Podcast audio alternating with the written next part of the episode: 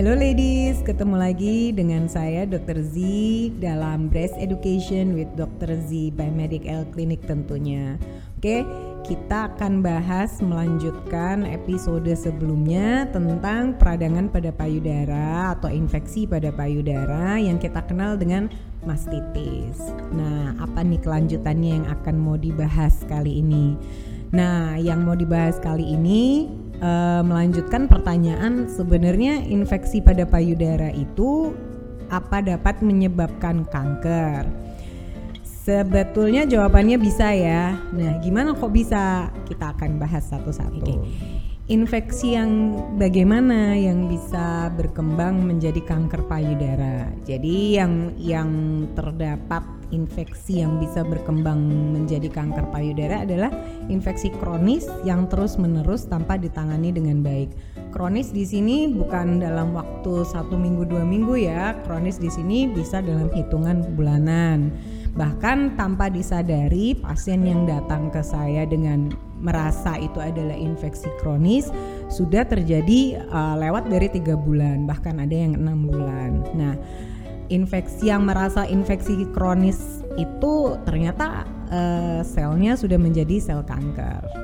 Gimana nih cara uh, me membedakan antara mastitis yang biasa yang infeksi karena bakteri atau dia sebenarnya uh, inflamasi yang dikarenakan uh, kanker payudara yang kita sebut inflammatory breast cancer. Jadi dari eh, gejala-gejalanya kita akan bahas satu-satu, tapi saya akan jelaskan dulu dari mana inflamasi ini bisa mengarah ke kanker payudara. Jadi inflamasi pada kanker payudara itu dimulai saat sel payudara mengalami perubahan DNA. Jadi uh, kanker payudara itu memang perubahannya pada DNA ya. Jadi dia ada mutasi. Nah, paling sering perubahan pada DNA sel payudara adalah pada sel tabung atau yang kita bilang di saluran payudara, di saluran susu yang biasanya dipakai untuk uh, aliran susu untuk menyusui yang mengalirkan ASI ke puting. Tapi kanker itu juga bisa dimulai pada jaringan kelenjar atau yang pada istilah kedokterannya disebut lobulus di mana tempat ASI diproduksi. Nah, normal sel-sel tersebut menyumbat pembuluh limfatik di kulit payudara dan terlihat seperti inflamasi. Oke, seperti apa inflamasinya? Inflamasi di sini tampak seperti infeksi atau mastitis yang sudah saya sebutkan sebelumnya. Yang paling jelas adalah kulit berwarna kemerahan bengkak dan berlesung atau kita bilang skin dimple. Skin dimple itu jadi ada lesung, ada cekungan pada kulit yang menunjukkan ada tanda klasik pada kanker payudara. Tampak juga terlihat ada uh, kulit seperti kulit jeruk.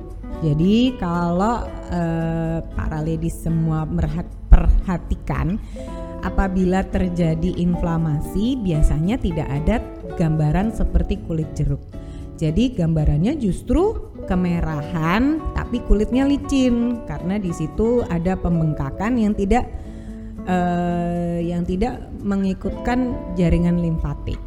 Oke, jadi inflamasi pada kanker payudara ini mungkin tidak tampak seperti benjolan, tapi dia tampak seperti peradangan Eh, tanda-tanda uh, yang sering didapat selain yang sudah saya sebutkan sebelumnya kulit merah, berlesung, tampak seperti kulit jeruk adalah perubahan yang cepat dalam penampilan satu payudara selama beberapa minggu. Jadi contohnya misalnya payudara kanan dan payudara kiri terhadap perubahan bentuk atau bahkan perubahan lebih besar sebelah ya uh, pada infeksi atau mastitis juga tampak seperti itu, tapi perbedaannya adalah uh, kulitnya yang berbeda yang seperti saya bilang dan biasanya kulitnya menebal.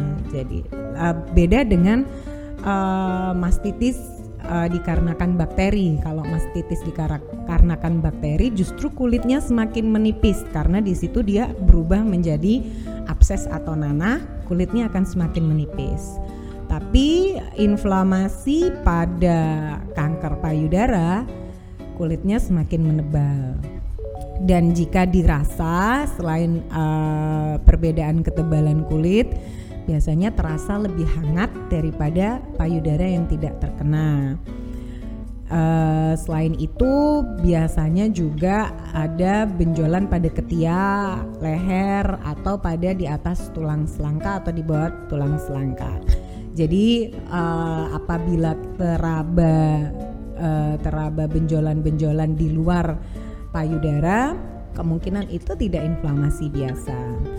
Oke, okay, uh, untuk keseluruhan kita membedakan inflamasi pada kanker payudara atau dia inflamasi uh, di, dengan mastitis biasa adalah yang harus kita lihat waktu kita sadari yang harus kita kita perhatikan benar-benar adalah mulai dari yang apa yang kita lihat. Apakah kulit ada kemerahan apakah kulit ada lesung atau apakah kulit terlihat seperti uh, kulit jeruk jika hal itu terjadi, kita harus curiga kalau uh, itu adalah inflamasi pada kanker payudara. Yang kedua adalah uh, waktu timing pada saat terjadinya hal-hal itu. Timingnya biasanya agak lebih lama dibandingkan uh, mastitis yang dikarenakan bakteri. Yang ketiga, terkadang teraba benjolan, terkadang tidak terkadang benjolan memang tidak teraba dikarenakan kulit terlalu tebal. Jadi untuk meraba adanya benjolan agak lebih sulit. Nah, yang keempat yang harus kita perhatikan uh, adanya benjolan pada ketiak dan tidak nyeri dan benjolan di tempat-tempat lain seperti di atas atau di bawah tulang selangka.